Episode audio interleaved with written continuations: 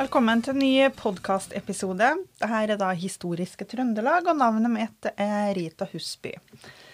I dag tenkte jeg skulle snakke litt om rettergang og straff på slutten av 1700-tallet, starten på 1800-tallet i Trondheim. Det er det som blir tema i dag siden det er påske. Prøve å ordne litt eh, krim rundt det her. Nå er ikke jeg ekspert på dette temaet, men jeg har funnet fram tre saker som jeg skal gå gjennom i lag med dere. Noen av dere har kanskje vært på Rettsmuseet, det som i dag er Justismuseet i Trondheim. Der er det ei utstilling med bl.a. ei retterøks, altså skarperetterens øks fra 1742. Det er også utstilt ei lita anna øks og ei klypetang og flere ting som ble brukt under henrettelsene i Trondheim. Dette ble da levert inn etter, eh, etter han Johan Kaspar Ølstein. Han var skarperetter i Trondheim fra 1744 til 1768. Eh, og når han døde, så var det da enka som som fikk solgt det her i Trondheim. Og nå er det altså på Rettsmuseet. Han var skarpretter i 24 år. Og kan nå begynne å tenke på hvordan psyken til denne karen egentlig var. Denne øksa mener de har tatt livet av 25 stykker i, i Midt-Norge. Denne Skarpretteren han eh, henretta ikke bare folk i Trondheim, men han reiste rundt og eh, henretta folk, ofte på den plassen der gjerningen var begått. da. Um, det er jo selve skarperetterøksa, ja. Så må vi heller ikke glemme den lille øksa og den derre tunga.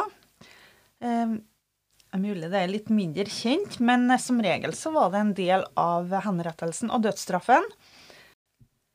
I 1698 så kom det en fordring om grove morders straff, og den involverte å bruke denne tunga, som var et ganske forferdelig redskap. En grov morder var en som drepte noen i sin egen familie eller sin egen husholdning, og det kunne omfatte tjenestefolk og håndverkere. Tunga den ble da brukt tre ganger på dødsdagen. Den første gangen den ble brukt, det var da rett utom eh, fengselet. Ofte rådhus, eh, rådhusfengselet de satt her i Trondheim. Andre gangen var på vei til rettestedet. Eh, det kunne være ute i Lila, det kunne være på Steinberget, det kunne være hvor som helst. Og den tredje gangen så var det altså um, Var det altså på henrettelsesplassen. Um, mye godt så var det her gjort for å skremme folk. Altså det med klyping av tunga. Um, om det var effektivt eller ikke, det skal ikke jeg si noe om. Men det var jo ikke bare det som skjedde. Um, etter at personen ble henretta på henrettelsesstedet, så fikk en eh, en spiker gjennom hodedskallen, og hodet ble da satt på stake, sånn at det skulle stå ute i veikanten eller på Ilevollen til skrekk og advarsel for folk som gikk forbi. Helt til at hodet falt ned av seg sjøl, faktisk. Den som tok over etter den er skarpretteren Johan Kasper Ølstein, han som leverte inn eh, det vi har på Rettsmuseet i dag, da. Eh, det var en Frans Wilhelm Stengel. Han er kanskje litt mer eh, kjent. Det har vært skrevet litt mer om han. I hvert fall så har jeg hørt litt om han. Han var sønn av en skarpretter i Aalborg. Og han starta da som skarpretter i 1768 her i Trondheim. Jeg har jo lyst til å begynne å starte uh, historiene her i byen. Altså på slutten av karrieren til Ølstein. Jeg fant et gammel avisartikkel i Trondheim Adressekorinters efterretninger fredag den 2. oktober 1767. Adresseavisa ble forresten gitt ut uh, første gang 3. juli samme år. Og det var skrevet med ei flott gotisk skrift. En ca. 200 år gammel fæl sak under atskillig nytt. I onsdag ble Ellen Jonsdatter, for på kaptein Jonstrups enkefru, julaften 1766 begået et mord i forstaden. Ilen henrettet, og hennes hoved etter henretten satt på stigel. Jeg tok en liten screenshot fra denne sida, at jeg skulle klare å finne ut litt mer om det. Og en dag så dukka det opp litt mer om denne historien, så jeg tenkte jeg skulle dele med dere. I, eh, I Sjøgaten, altså Kjøpmannsgata, var det stilt. Det lyste i to vinduer i herr Angels våning på hjørnet av Kongens gate og Sjøgaten. Der innenfor våkes det over Thomas Angel, som lenge hadde vært sykelig og lå nå på sitt siste. På den andre siden av gaten, i rådhusets kjeller, var det også ei som skulle dø. Ellen Jonsdatter. Hun ventet på den stund da hun skulle kjøres til henrettelsesplassen. Ved siste julehøytid, 1766, var byens folk blitt oppskaket ved å høre at det var begått et mord på en enkefru fru i Sukkerhusstredet, altså Jesedals gate. Det var enkefru Jonstrup. Juledag var hun blitt kvalt i sin egen stue, strupt i hjel med et hosebånd. Morderen viste seg å være Ellen Jonsdatter, som hadde vært i tjeneste en gang hos fru Jonstrup. Ellen ble stilt for retten og dømt til lovens strengeste straff. Hun skulle da utstå store pinsler på veien til Ilevollen med klypetanger. Hun skulle òg få avhogge sin høyre hånd, og dermed skulle hun òg eh, halshugges. Og Ellen angra sin synd og misgjerning til presten. Dermed så viste stiftmann eh, von Grambo barmhjertighet og nåde, at hun skulle spares for å få sin kropp gløda av det glødende knipetenger på veien til rettestedet, og likeså skulle få slippe å få avkappa si høyre hånd her, altså. Eh, men det var én ting hun frykta før henrettelsen. Det var det at eh, hodet ikke skulle felle ved første økseslag. At de da skulle hogge og hogge og hogge før, før det falt. Men dagen var altså kommet. Det var folksomt ute på Ildvollen. Det var et mylder av mennesker som trengte seg fram og ville få med seg det som skjedde. Hodet falt, altså. Og tre dager etter det her så stirra det hennes halvåpne øyne utover Ilevollen. Ved tredje natts morgengry så tok rakkeren Ola Vossing tak om staken med sine never og rykket den opp han la dem på marken og fikk hodet løst av stakespissen.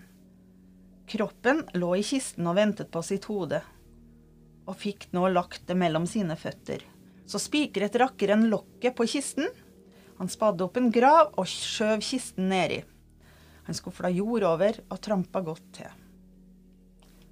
Så der ligger hun, Ellen Jonsdatter og hviler på Ilevollen.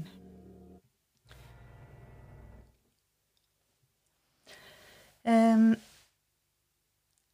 under dansketida um, Vi kan jo si litt om det, for om vi har lært mye om det her på skolen, så kan vi repetere. Det er ingenting. I 1636 så avtalte jo kongen og den danske adelen i fellesskap at Norge skulle lyde under Danmark. Altså bli et lyderike.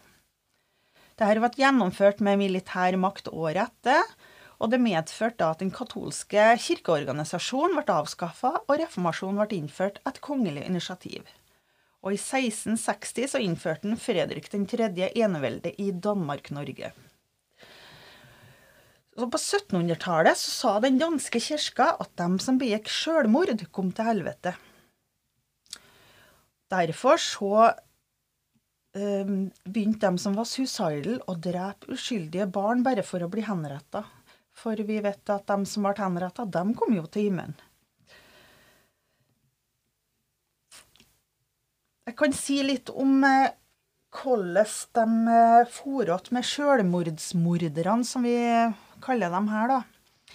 Her er en bitte liten historie fra Danmark jeg tenkte jeg må ta med, bare for å forklare hvordan det her egentlig var. Det var soldaten Mikael eh, Han lå fastspent en juni ettermiddag i 1739. Han skulle henrettes for mord. Her var jo egentlig en sjølmordsmorder, ikke sant? Han sang en salme så høyt og klart at tonene hadde at tonen nådde alle som var samlet på kongens eh, Nytorv i København for å se henrettelsen. Bøddelen bar fram et stort, tungt vognhjul. Han brukte det til å knuse leggene hans. Han knuste også lårbena, overarmene og underarmene.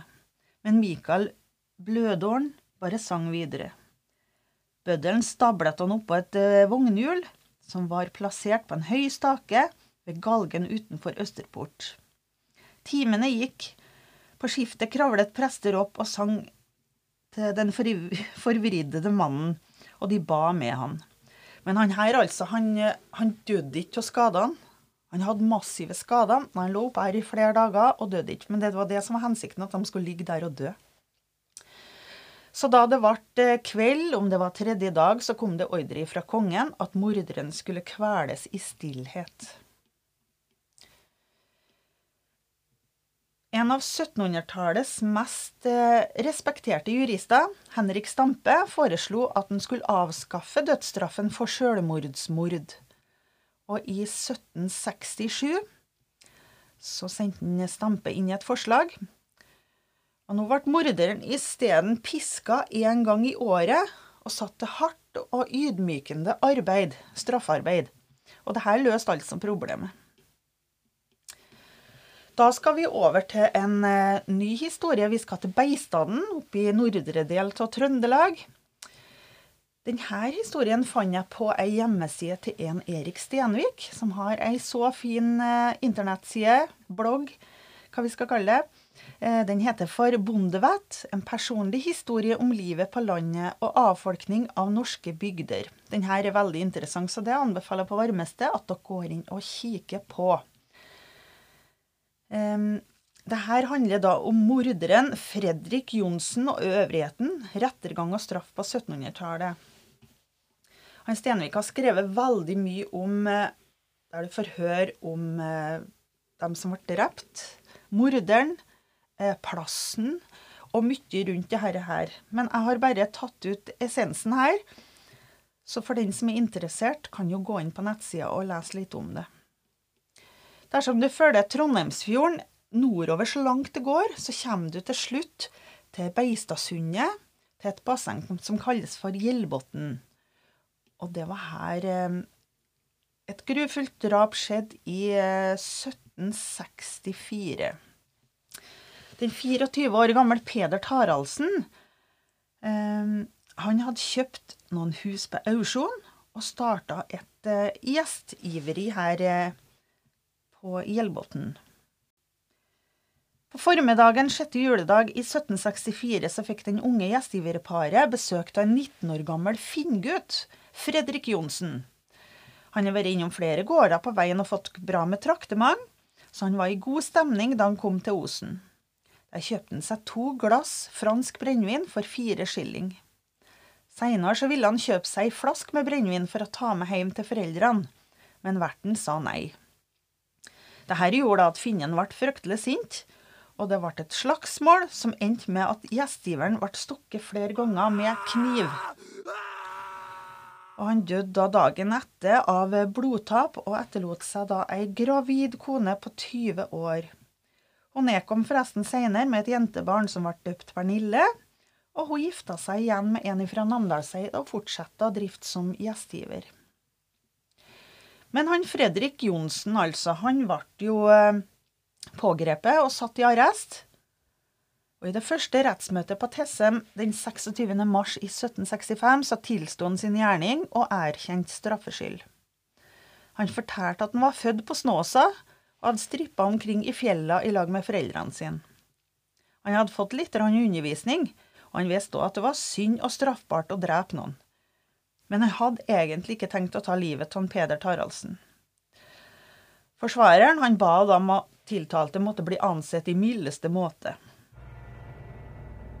Dommen falt den 2. februar i 1766 og lyder som det her. Morderen finnen Fredrik Johnsen bør for det sitt grove og forsettlige mord, som han på lumsk og voldelig måte har forøvet over bemeldte uskyldige soldat Peder Taraldsen Odsen med utskillige dødelige knivstikk. Av den produserende fæle morderinstrumentet. Derfor at bøde med liv for liv, på sådan måte. Først etter fordringen at knipes med glødende tenger av skarpretteren tre ganger. Første gang ved arresthuset, andre gang ved gjerningsstedet og tredje gang ved retterstedet. Og deretter skal hans høyre hånd, og dernest hodet, med en økse avhugges og settes på stage og kroppen på steile. Ifølge kirkeboka så ble morderen eh, Fredrik, Fredrik Johnsen Finn for sitt begående mord på soldat Peder Taraldsen Odsen henrettet med øks mellom Gjellen og Glasø den 28. april 1767. Hodet ble da satt på stake og satt på veien i lang tid etterpå. De sa jo det at det skulle stå på stake til det datt av sjøl. Så hodet ble jo aldri egentlig nedgrevet i lag med resten av kroppen. Fogdens oppgave var jo knytta til innkreving, utpanting og rettstell. Og Det er jo ikke å undres over at fogden, eller futen som eh, han òg ble kalt, fikk dårlig ord på seg og var veldig dårlig likt. I saken mot Fredrik Johnsen var det fogden Peder Randulf som representerte påtalemyndighetene og hadde ansvaret for arrestasjon, tiltale og ekskursjon. Lensmannen var underordna fogden og var hans medhjelper lokalt. Han hadde en posisjon mellom øvrigheta og allmue, med beskjeden godtgjørelse. Ofte var han en lokal lederskikkelse med gårdsdrift som viktigste inntektskilde. Og lensmannen i denne saken var en Peder Haldorsen Northug. Han var født i 1724 på gården Nord-Nordtuv. Forsvareren De hadde jo krav på forsvarer den gangen òg. Forsvareren var Mikael Andersen Firslev. Han var av dansk ett og født i 1708 i Kvæfjord. Så tenkte jeg skal si litt om skarpretteren her. Vi har jo snakka litt om det i stad, men jeg kan jo si litt mer her. Vi kan jo begynne å spekulere på hvilken person det egentlig var. Skarpretteren var jo en yrkestittel på den som ekskvirerte dødsdommer og foretok kroppslige avstraffelser som pisking og brennmerking. Han var egentlig en faglært bytjenestemann, og ofte av tysk herkomst og avløsa den ufaglærte bøddelen som hadde tilsvarende oppgaver tidligere. Det var faste takster for skarperetterens tjeneste, f.eks. ti daler for halshogging med sverd, åtte daler med halshogging med øks. Trondheim ansatte sin første skarpretter i 1720, og de bygde hus til han ute i Ila, og stedet ble senere kalt for Mestermannsløkken. Det ser ikke ut til at det var noe sosialt belastende å ha den oppgaven som skarpretter. Eh, I samband med et offentlig halshugging av to mordere i Kristiania, så er det gjort noen skildringer av en eh, skarpretter på 69 år, faktisk. Jeg tenkte jeg må lese opp det. Han heter for eh, Samson Isberg. Jeg har sett navnet hans her. Det skal vi se om vi finner han etterpå her. Og det står beskrevet om han, da. Han er en høy og sterkbygget mann med edle og smukke ansiktstrekk og blikk, hvorav hjerteligheten selv synes å strømme ut. Har dere hørt noe sånt? Isberg var ekspert og fagmann. De dødsdømte knelte etter tur og la hodet på blokka mens presten leste Fader vår, ble hodet skilt fra kroppen med et eneste hugg. Men det var ikke alle som var like heldige. I 1833 ble massemorderen Nils Narumsbakken halshugd. Skarpretteren, som het for Lædel, han hogg tre ganger uten å lykkes, og måtte til slutt bruke øksa som kniv for å fra, fraskilte hodet fra kroppen.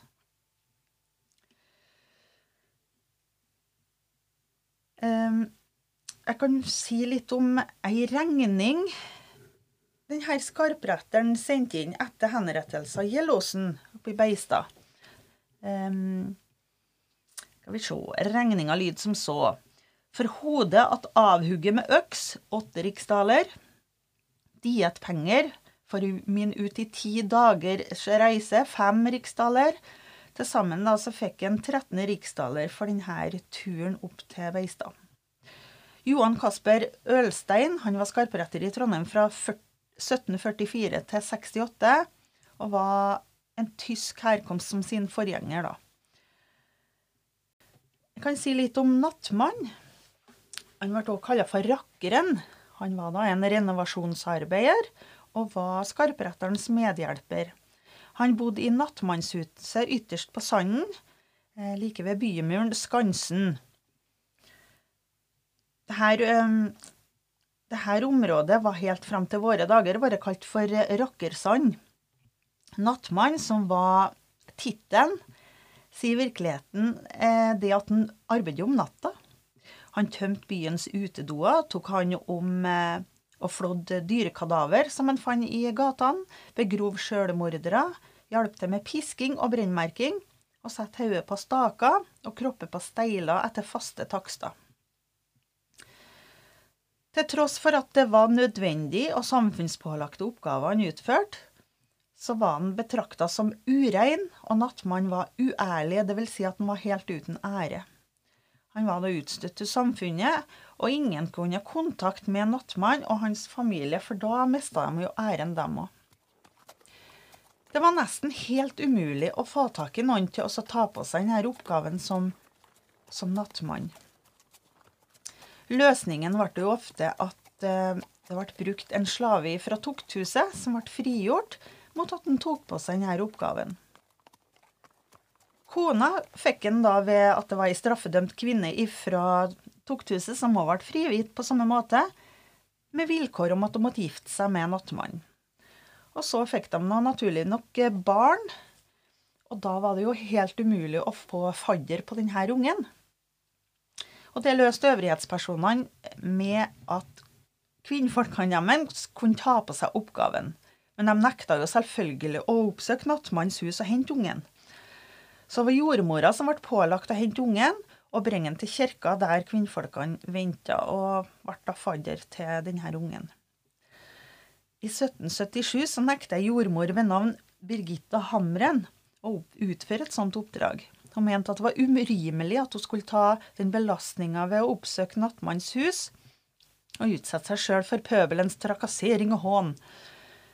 Men hun måtte gi seg til slutt for overmakta og utføre dette oppdraget. Nattmannen som bisto under ekskursjonen av Fredrik Johnsen, han het for Ole Hansen. Han var egentlig fra Voss og kom til Trondheim som omstreifer i 1754. Han ble arrestert og satt på rådstua. På denne tida så var byen uten nattmann. Den forrige nattmannen han var en frigitt fange som hadde rømt og ble pågrepet oppe i Gauldalen. Og da måtte han jo gjenoppta soninga. Så Ole Hansten han slapp fri mot at han tok på seg oppgaven som nattmann. Hans arbeidsområde var, var ikke bare i byen. Ofte måtte han ut i distrikta òg. Og regninga fra fogden Randulf dokumenterte to oppdrag Ole Hansen hadde i Innherred. Ehm, han fikk til underholdning fire dager fra byen. Også for at legemet nedgraver to roere som skisser ham til byen, og til underholdning under reisa til, så fikk han til sammen seks riksdaler og tre ort. Oppdraget i Beistanden kom på slutten av Ole Hansens funksjonstid. Eh, ingen har holdt ut så lenge som nattmann som han. han eh, etter 15 års tjeneste på nyåret i 1769 så ble Ole Hansen eh, dårlig. Og det sto ikke noe likere til med kona hans.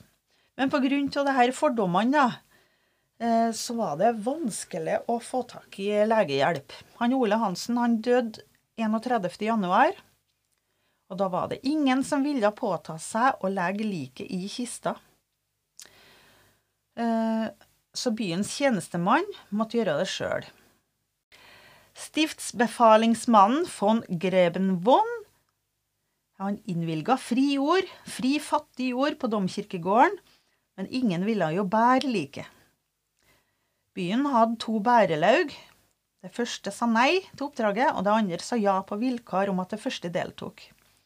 Og I denne fastlåste situasjonen så henvendte magistraten seg til overbrannmester Johan Daniel Berlin. Han var for øvrig òg statsmusiker og komponist ved kongelig privilegium, på framføring av instrumentalmusikk i stiftet.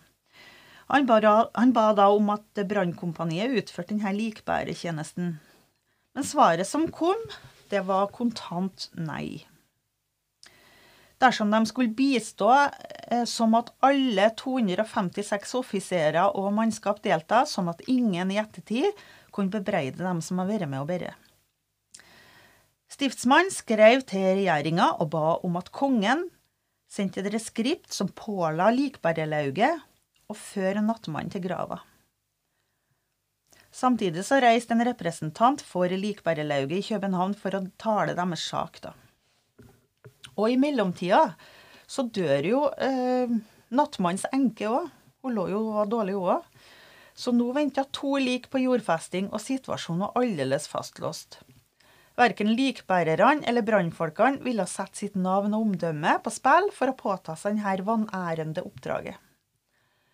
Stiftsmannen skrev på nytt eh, til regjeringa, og magistraten sendte et langt skriv til kongen. Og Det tok tre måneder før de fikk svar fra regjeringa som løste denne knuten. 16 slaver fra Tukthuset skulle kommanderes til å bære nattmann og hans kone til grava. Så sånn ble Ole Hansen og kona endelig gravlagt i 17, juni i 1769 etter ei mellomlagring i mange måneder i et vedskjul skal si litt kort om roerne og rollen deres òg. På 1700-tallet så foregikk det jo ferdsel til lands nord for Trondheim, til fots eller på hesteryggen. Først på slutten av dette århundret så starta arbeidet med Kongeveien, som gjorde hjulgående trafikk mulig. Og fra den tid så gikk det an å kjøre med hest og vogn til Steinkjer. Men i 1760-åra, da rettssaken og ekskursjonen her fant sted, så var det båt som var skyssmiddelet mellom Trondheim og bygdene rundt fjorden. Eh, fartøyene de brukte, var typiske trønderske båttyper. Eh, kanskje de brukte Åfjordsbåten, kanskje de brukte andre båter, det er ikke så godt å si. Turen fra Trondheim til Beistad tok rundt 20 timer. Eller to dags roing da hver vei. Nå skal vi over til siste sak jeg har her i dag. Dette her var et eh, drap som skjedde oppe i Verdalen, på gården Garnes. Det handler da om eh, to svensker. Han Ole Bergman, han var skredder. Og Nils Tolstrup, han var hjelpeprest. Jeg er litt usikker på hva de gjorde her i Norge og i Trøndelag, men de var vel her for å tjene penger i utgangspunktet. I 1805 så er de i Overhalla i Namdalen. Eh, de har jo for å reise litt rundt omkring og prøvd å livnære seg som eh, både skredder og maler og hjelpeprest. Eh, han Bergman han har vært litt i Verdalen og var litt kjent med gårdene rundt omkring der. Og det var kanskje veldig lite arbeid å, å finne, så de her toene her da, de fant ut at de skulle på plyndringstokt og ut og finne noen bønder oppe i Verdalen som var godt med midler. Og Garnes var da en gård han Bergman kjente veldig godt. Så 29. juni i 1801 1805 var det vel. På kvelden så kom de til Garnes. De lå like ovenfor gården og drev med en slags spaning for å se når røken fra skorsteinen ebba ut. Og utpå kvelden så gikk de mot huset. Han ene tok opp en stein som han tok med seg. Døra til våningshuset sto ulåst. Nils Tolsen han skulle stå vakt utenfor huset, mens den medskyldige skulle utføre gjerninga. Da Bergman kom inn i huset, så våkna husbonden og reiste seg halvveis opp i senga. Han Bergman han sprang bort og ga han et halvt dusin med slag i hodet med denne steinen, sånn at han, sov, han segna om. I samme senga så lå sønnen Lars på 13 år, han våkna òg og fikk akkurat samme skjebnen som sin far. Deretter så tok han en kniv og skar av strupen på de to. I et annet rom så lå husbondens datter og sov, og Kirsten. Og nå var det Nils Tolsens tur til å være slakter. Ved siden av Kirsten så lå det et lite barn, Anne, og i og med at ungen ikke ga fra seg noe lyd, så ble det spart. Men egentlig hadde de jo tenkt å drepe alle. Mens en Tolsten myrder Kirsten Garnes, så gikk en Bergmann opp på loftet, hvor eh, to av de andre sønnene til Peder Garnes ligger og sover. Ole på 15 og Rasmus på 8.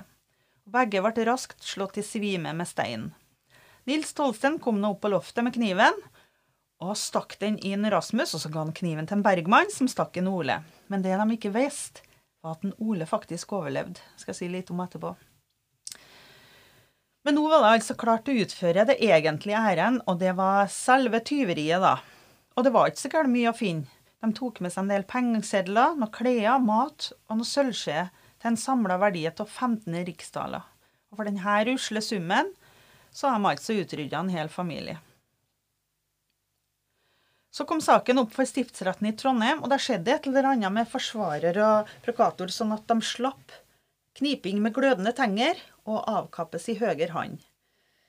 Mulig for at det var de sparte denne ungen, jeg vet ikke. Jeg har ikke helt klart å finne ut av det. Men straffa ble da ganske enkelt halshogging med etterpåfølgende steile og hjul. Høyesterett de godkjente dommen i 1807. Den 20. mai 1807 så ble de to svenskene geleida ut til rådstuearresten i Trondheim for å bli eh, ført til retterstedet på Ilevollen. Og så begynte altså marsjen ut til Arildslykke på Ilevollen, hvor Skafottet allerede var reist. Og der ble de da henretta, én etter én. Halshogginga ble foretatt av en Erik Petersen, som nå var Trondheims fast ansatte skarpretter etter en Frans Wilhelm Stengel. Han hadde da forlatt eh, landet for å nyte sitt otium i Danmark.